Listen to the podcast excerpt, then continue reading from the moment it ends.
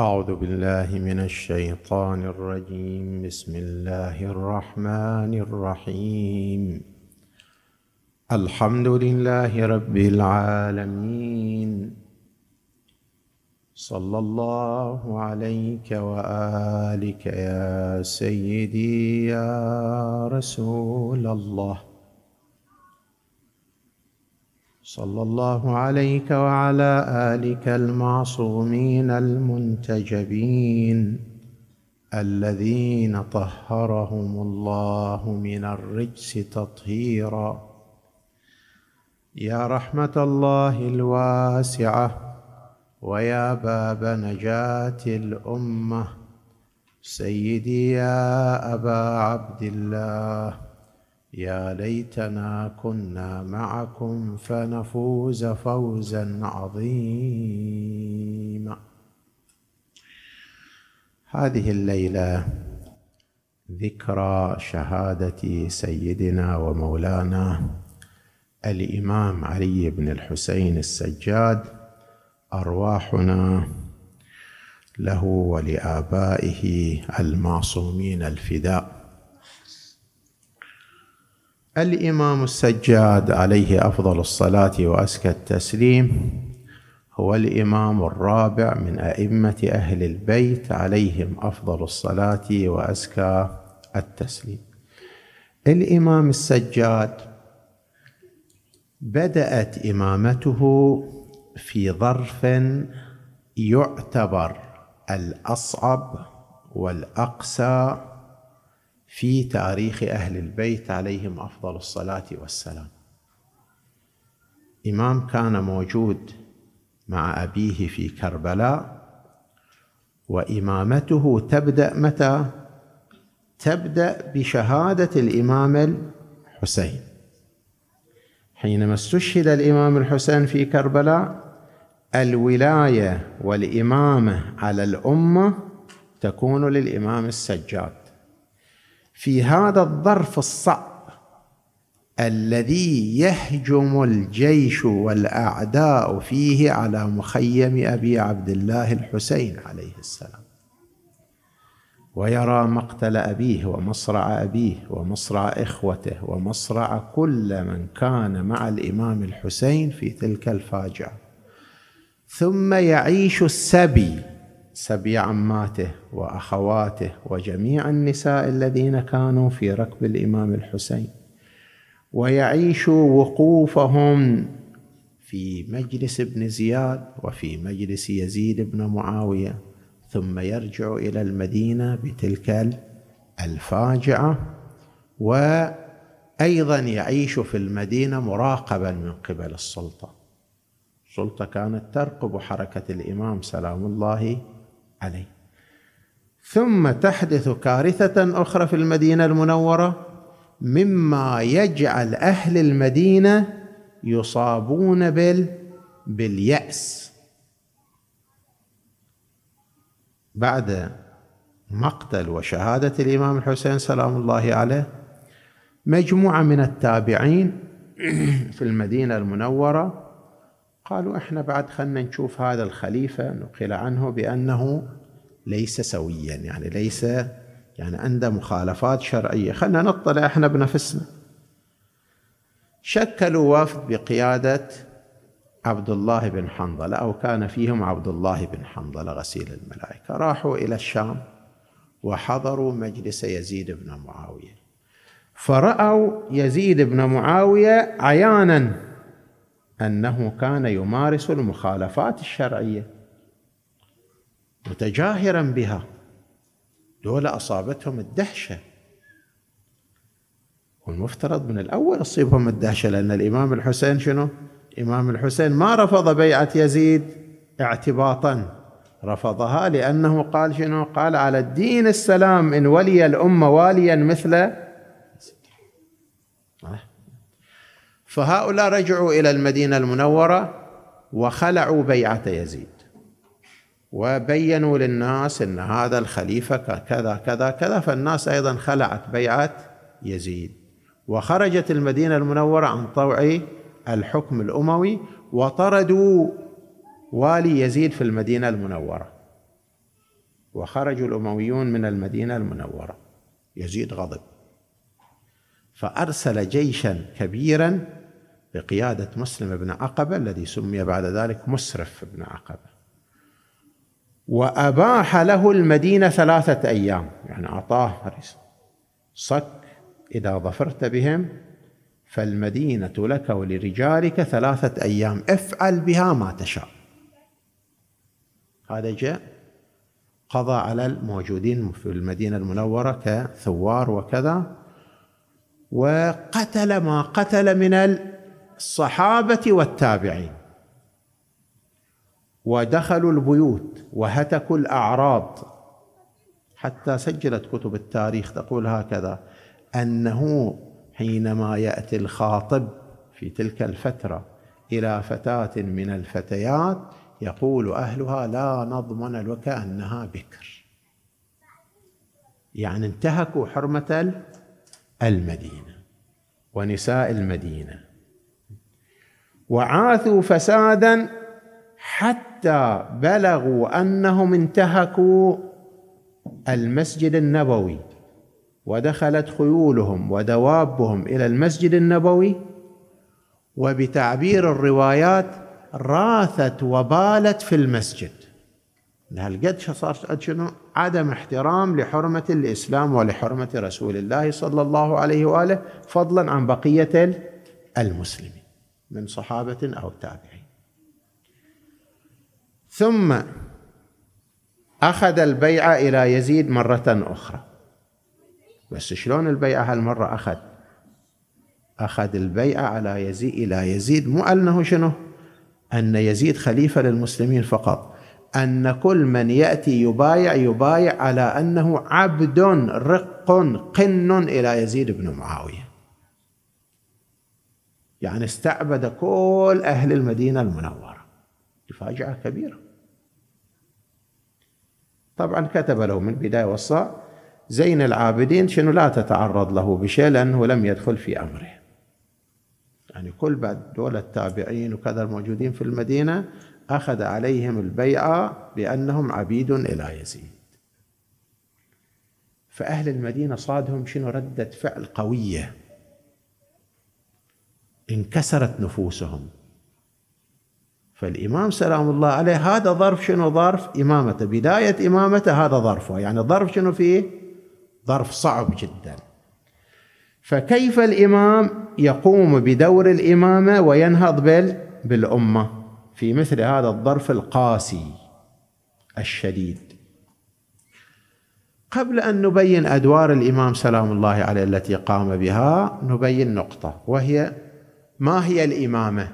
ما معنى الإمامة؟ ما هو مفهوم الإمامة؟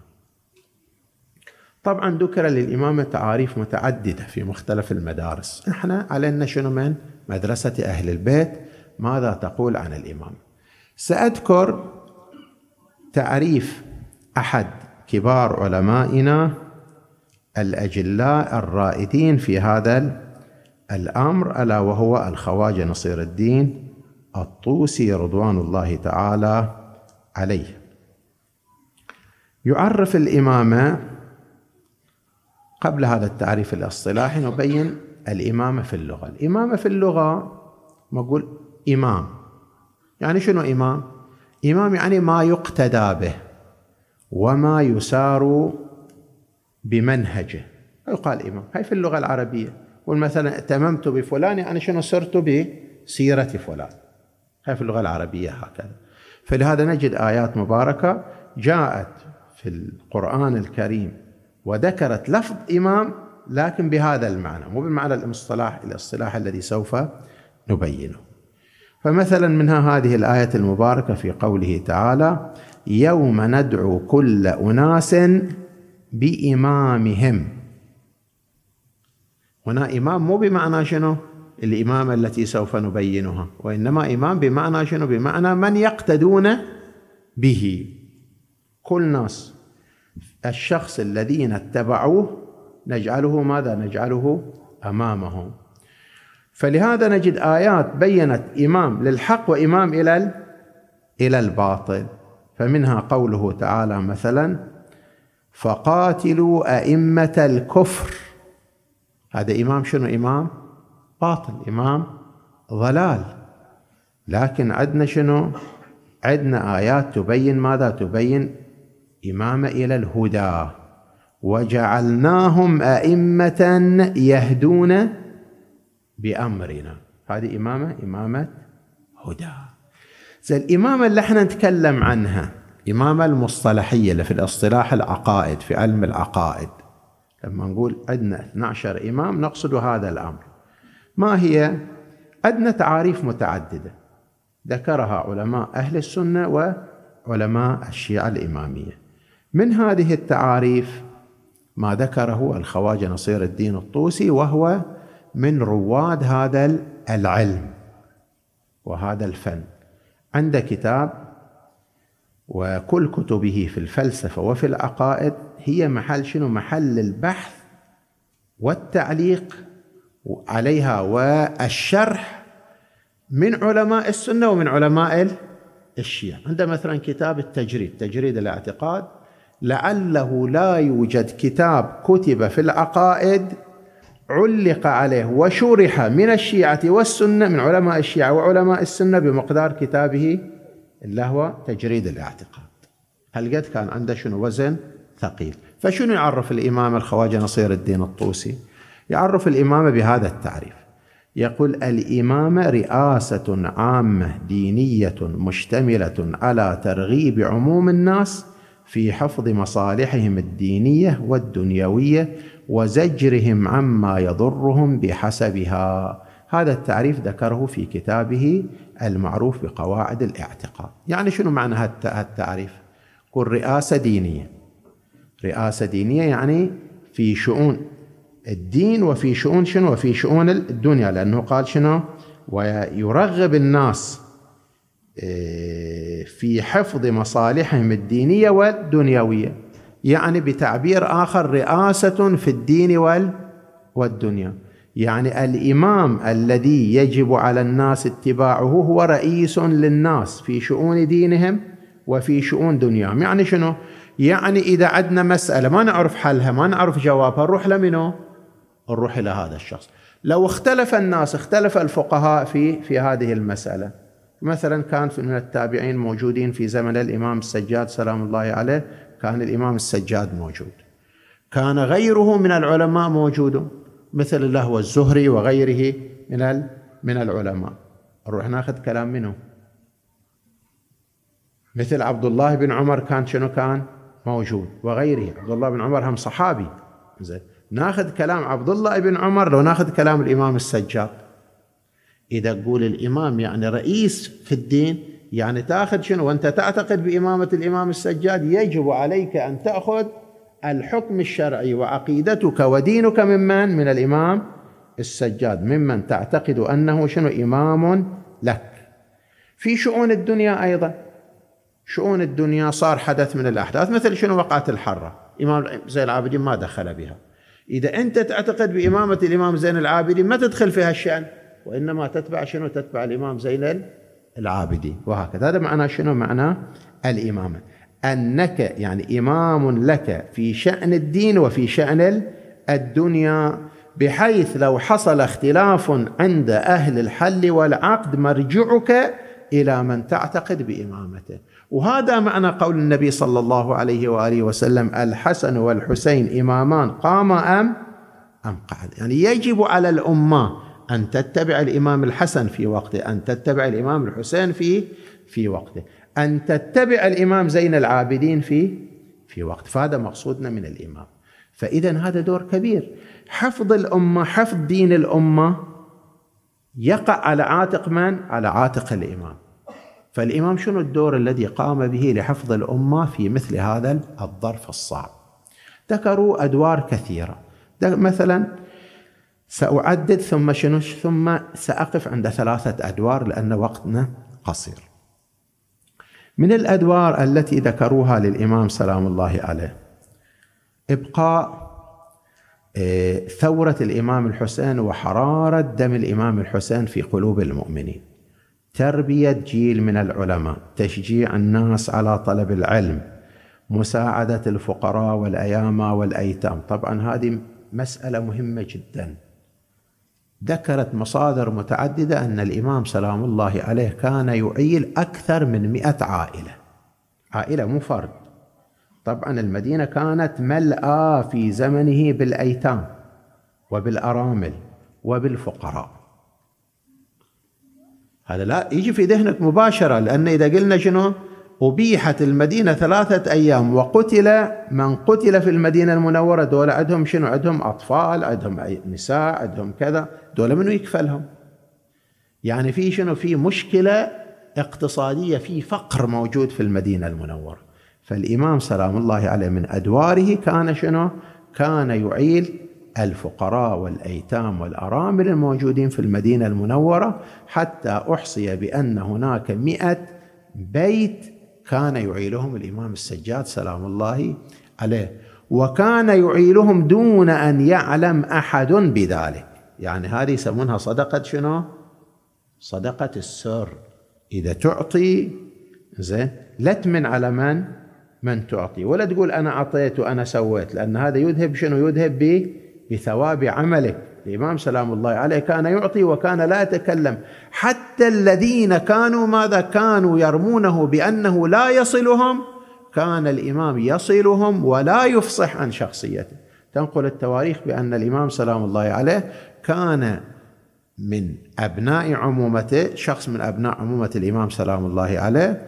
كان الإمام يصله بالمال ويصله بالغذاء ويصله بحاجياته هذا حينما يعطيه الإمام طبعا كان الإمام متلثم ولا يتكلم يعطي ويمشي. فهذا حينما يعطيه ويصله الإمام بحاجته يذم الإمام زين العابدين ويمدح المعطي. يقول رحمك الله جزاك الله أثابك الله إلى آخره من المدح والإطراء. يقول إلا ابن عمي زين العابدين فإنه لا يصلني بشيء. الإمام يسمع هذا الكلام. لكن مع ذلك شنو؟ لا يكشف له عن عن هويته. هذا مقدار من من الإخلاص. إلى هذا الحد من الإخلاص والتفاني في في الله سبحانه وتعالى. أيضا تقوية الجانب الروحي والمعنوي والرجوع لله سبحانه وتعالى. لأن قلنا ما تعرضت له المدينة المنورة من ضغوط خلت الناس عندها شنو؟ عندها تزلزل دينها وثباتها على الدين الإسلامي. تحذير الأمة من اتباع الظالمين. إحنا بنقف على ثلاث شنو؟ على ثلاث نقاط نتكلم فيها بعض الشيء. النقطة الأولى. تشجيع الأمة تشجيع الناس على التعلم بشكل عام وعلى تعلم شأن الدين بشكل خاص. وهذه مسألة مهمة جدا حرص عليها النبي صلى الله عليه وآله والأئمة إماما بعد إمام. ارجعوا إلى كتب الحديث. زين ستجدون كل إمام من أئمتنا عنده شنو؟ عند أحاديث رويت عنه في حث الأمة على تعلم الدين. أحاديث كثيرة. شجع الناس على أن أنت تتعلم العلم بشكل عام تطلب العلم بشكل عام. ولكن أيضا شنو؟ تطلب تعلم شأن الدين بشكل خاص. مثلا من الروايات. روي عن الإمام زين العابدين سلام الله عليه أنه قال لو يعلم الناس ما في طلب العلم لطلبوه ولو بسفك المهج. سفك المهج يعني شنو؟ الموت. يعني تعرف إن طلب العلم فيه شنو؟ فيه هلاكك فيه موتك. مع ذلك ما تتنازل عن طلب العلم. هذا المقدار من أهمية طلب العلم. لو تعرف شنو أهمية طلب العلم ما تتنازل عنه حتى لو كان فيه موتك. أيضا يروى عن الإمام سلام الله عليه أنه يقول إن الله تبارك وتعالى أوحى إلى دانيال. دانيال نبي من أنبياء الله. على نبينا وعليهم أفضل الصلاة وأزكى التسليم. أن أمقت عبيدي إلي الجاهل المستخف بحق أهل العلم التارك للاقتداء بهم وإن أحب عبيدي إلي التقي الطالب للثواب الجزيل اللازم للعلماء التابع للحلماء القابل عن الحكماء. وهذا أحب الخلق. الانسان اللي يبتعد عن العلماء الإنسان اللي ما يتعلم هذا أمقت الناس عند الله. لكن أحب الناس عند الله شنو؟ الذي يتعلم. أيضا يروى عن الإمام سلام الله عليه أنه كان يكرم طلبة العلم فكان إذا نظر إلى الشباب أو إلى الشباب الذين يطلبون العلم أدناهم إليه فقال مرحبا بكم أنتم ودائع العلم أنتم صغار قوم يوشك أن تكونوا كبار آخرين. يعني شنو تشوف هاي العبارة؟ هذه الرواية أيضا مروية عن الإمام الحسن سلام الله عليه. الإمام الحسن سلام الله عليه أيضا مروي عنه هذا الرواية أو قريب منها. المروي عن الإمام الحسن هذا المضمون. أن الإمام الحسن سلام الله عليه جمع أبناءه وأبناء أخيه الإمام الحسين وقال لهم تعلموا العلم. أنتم صغار قوم يوشك أن تكونوا كبار قوم آخرين فتعلموا العلم. معنى الرواية عن الإمام الحسن فتعلموا العلم ومن لم يستطع منكم أن يحفظه فليكتب رواية فيها إشارة إلى مسألة مهمة جدا. أنت إذا تريد تقيد المجتمع تريد تصير شخصية مهمة في المجتمع يرجع لك المجتمع وتأخذ بطريق المجتمع إلى الخير إلى الرقي إلى التقدم إلى ما فيه صلاح الأمة وصلاح المجتمع هذا لا يكون إلا بالعلم. ما يصير بالجهل. إنسان الجاهل لا يقود الأمة إلى إلى الرقي والتقدم. الإنسان الجاهل يقود الأمة إلى الخراب. يقود الأمة إلى الفساد. يقود الأمة إلى إلى الإضمحلال إلى التفسخ. فالإمام سلام الله عليه يقول إذا تريد شنو؟ تريد تكون أنت تقيد نفسك إلى الخير وتقيد تقيد أمتك إلى الخير عليك بماذا؟ بالعلم. أيضا روي عنه كان إذا جاءه طالب طالب علم قال مرحبا بوصية رسول الله. يعني النبي صلى الله عليه وآله وسلم أوصى بطلاب العلم. الإمام الصادق سلام الله عليه يخاطب شيعته يقول تعلموا وإلا فأنتم أعرى أيضا مروي عنه لو أوتيت بشاب من شباب الشيعة لا يتفقه في دينه لأوجعته ضربا.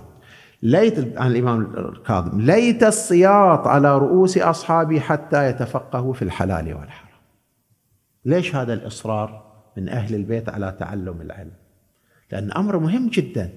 الإنسان والمجتمع الذي لا يحظى بالعلم وسمته الجهل تهجم عليهم اللوابس والشبهات ويأخذهم الظالمون وتتلاعب بهم الأمم. أي فتنة أي شبهة أي أمر يحرف الأمة عن مسارها يسهل أن تتلقفه الأمة إذا كانت جاهلة. وأمثلة كثيرة مئات بل آلاف الأمثلة ممكن نضرب في هذا المجال. مثلا على سبيل المثال الآن تجدون في بعض المجتمعات تتقبل دعوات هذه الدعوات من يفهم في الإسلام ألف باء الفقه. لا يمكن يدخل فيها ويتقبلها. سامعين عن جماعة القربان في العراق؟ سامعين؟ له هذا الأمر الذي يعتنقونه إذا جيت تعرضه على الفقه هذا لا يمكن أن يقبله دين بتاتا. إن أنت تقتل نفسك زين تقول والله أنا قربان إلى الشخص الفلاني. لا يمكن. لكن يجدون أتباع لهم لماذا؟ لأن هؤلاء الأتباع جهلة. بسبب الجهل يجدون لهم أتباع. يطلع لك شخص ويدعي أنه شنو؟ أنه أول المهديين. ويحصل له أتباع. حصل له أتباع. مع أن عندنا شنو؟ الرواية تقول من ادعى كل فقهاءنا كل علمائنا مراجعنا الموثوقين المأخوذ بهم في الحوزات العلمية يقولون معنى الرواية هكذا. الرواية تقول من ادعى الرؤية أو من ادعى المشاهدة عفوا من ادعى المشاهدة قبل الصيحة وظهور السفياني فهو مفتر كذاب. يعني أي واحد يقول أنا عندي علاقة بالإمام وأنا ألتقي بالإمام عن طريق واسطة أو بالطريق المباشر ويعطيني شنو معلومات ويعطيني أحكام ويوجهني قل له أنت كذاب. إذا هذه المعرفة ما عندي. يقدرون يضحكون علي لو ما يقدرون يضحكون علي يقدرون يضحكون علي أضرب مثال أوضح. أمر يمجه حتى الطبع البشري. الآن المرأة هل يحق لها أن تتزوج شخص آخر إذا لم تعتد؟ أي حق. شوف في جماعة انطلع عليهم شيء اسمه جهاد شنو؟ النكاح. والمرأة تنتقل من زوج إلى زوج دون شنو؟ دون اعتداد أي واحد أي مسلم عنده أدنى معرفة بالإسلام يقول هذا أمر باطل ومن يعمله شيطان ومن يقول به شيطان. لكن ليش نطلع على هؤلاء؟ لأنهم عاشوا في الجهل.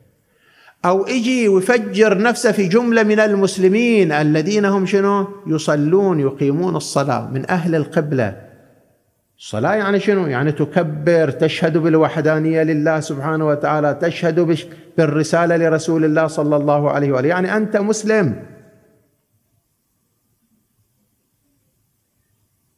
والنبي صلى الله عليه وآله وسلم يقول ماذا؟ المسلم على المسلم حرام دمه وماله وعرضه. لكن هذا ليش يسوي هذا الأمر؟ ما يسوي بدافع المال. يسوي بدافع شنو؟ بدافع أن يتعشى مع النبي يتغدى مع يعني بدافع دخول الجنة. بدافع التقرب لله سبحانه وتعالى. سبب شنو؟ سبب الجهل. فالإمام سلام الله عليه كان من الأدوار التي قام بها تشجيع شنو؟ تشجيع الأمة على التعلم. حتى الذين قتلوا الإمام الحسين كان جملة منهم شنو؟ جملة منهم دافعهم التقرب بسبب الجهل، لماذا الإمام الحسين كان شنو؟ كل ساعة ويطلع ويخطب ويبين أنا ابن رسول الله، أنا كذا، أنا كذا، أنا كذا، قبله يطلع زهير قبله يطلع برير ويخاطبون الناس ويبينون إليهم منو هذا منو الإمام الحسين.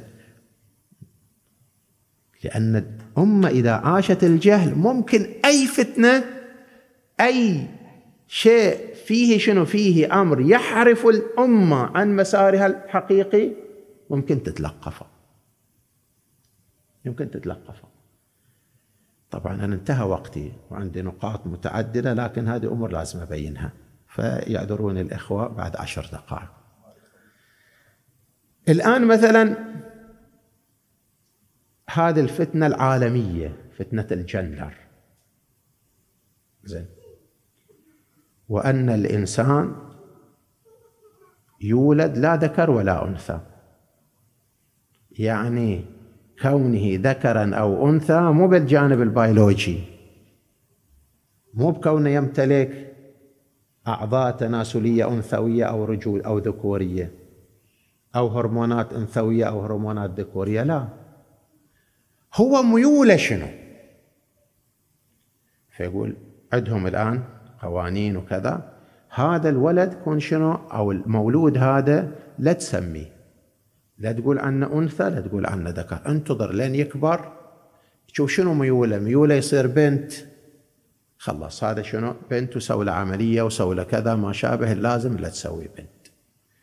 إذا ميوله ذكر حتى لو كان هو بنت زين اعمل له اللازم ليصير ذكر. هذا مسخ إلى طبيعة الإنسان مسخ للهوية الإنسانية. لكن تجد من يتلقفه من المجتمعات المنحرفة. ليش؟ بدافع الجهل بسبب الجهل أي دين من الأديان السماوية؟ كل الأديان السماوية. ترفض هذا الأمر وتسميه فاحشة. اللي يسمونه مثلية إن الإنسان له حق ماذا؟ له حق الزواج من مثله. يعني ممن هو من جنسه الذكوري أو الأنثوي. شذوذ. القرآن عبر عنه فاحشة. من يتقبله يتقبله بدافع شنو بدافع الجهل الأمر الآخر الإمام سلام الله عليه بنى جملة من الجيل العالم الذي من شأنه ماذا؟ من شأنه أن يقوم بدور ماذا؟ بدور تبليغ الدين هذا طبعا بحث طويل عندي في نقاط وأسماء وكذا بتعدى الأمر الثالث النقطة الثالثة أن الإمام سلام الله عليه أبقى عمل على إبقاء حرارة دم الإمام الحسين في نفوس المؤمنين. النبي صلى الله عليه وآله وسلم يقول إن لقتل ابني الحسين حرارة في قلوب المؤمنين لا تبرد. هذا بعد يحتاج إلى عوامل. صحيح هذا وعد من النبي صلى الله عليه وآله لكن يحتاج إلى شنو؟ يحتاج إلى إلى عوامل. إن الناس تحيي ذكر الإمام الحسين سلام الله عليه. وإذا أحيت ذكر الإمام الحسين استلهمت منه مبادئه. حركت مبادئ حركته ما هي؟ تستلهمها. فالإمام سلام الله عليه عمل على ذلك. فنجده حينما رجع إلى المدينة المنورة هيأ الأجواء إلى نساء البيت النبوي إلى البكاء. حتى طبخ حتى كذا لا تطبخون الإمام بأبي ونفسي هو شنو؟ هو بنفسه كان يصلح لهم الطعام. نفسه كان يصلح لهم الطعام لكي لا ينشغلوا بشيء غير البكاء على الإمام الحسين سلام الله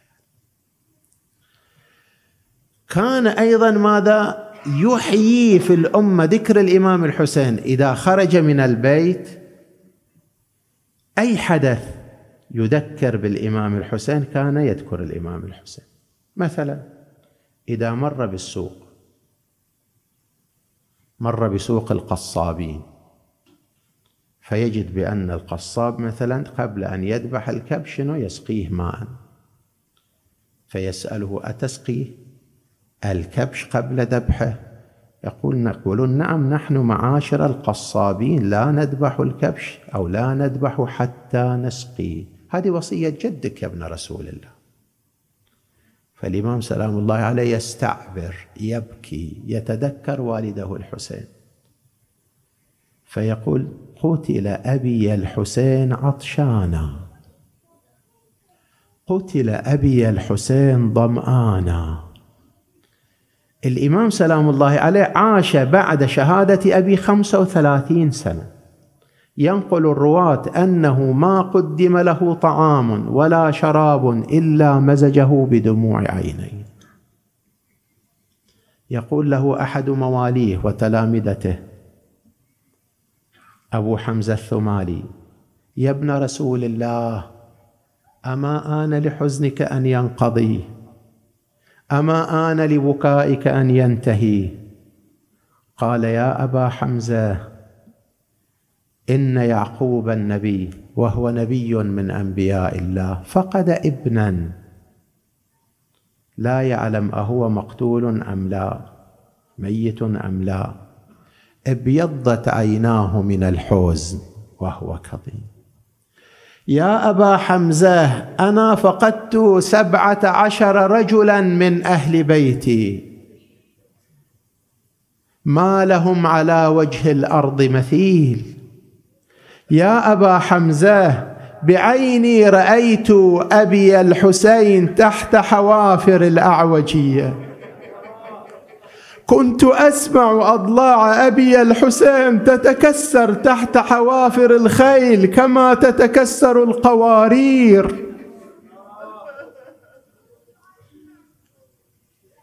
قال يا ابن رسول الله القتل لكم عادة كرامتكم على الله الشهادة.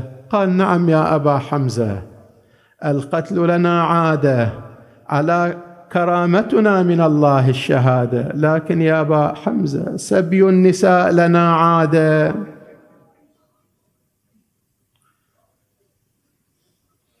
يا أبا حمزة وكأني بالإمام يعدد عليه مصائب كربلاء.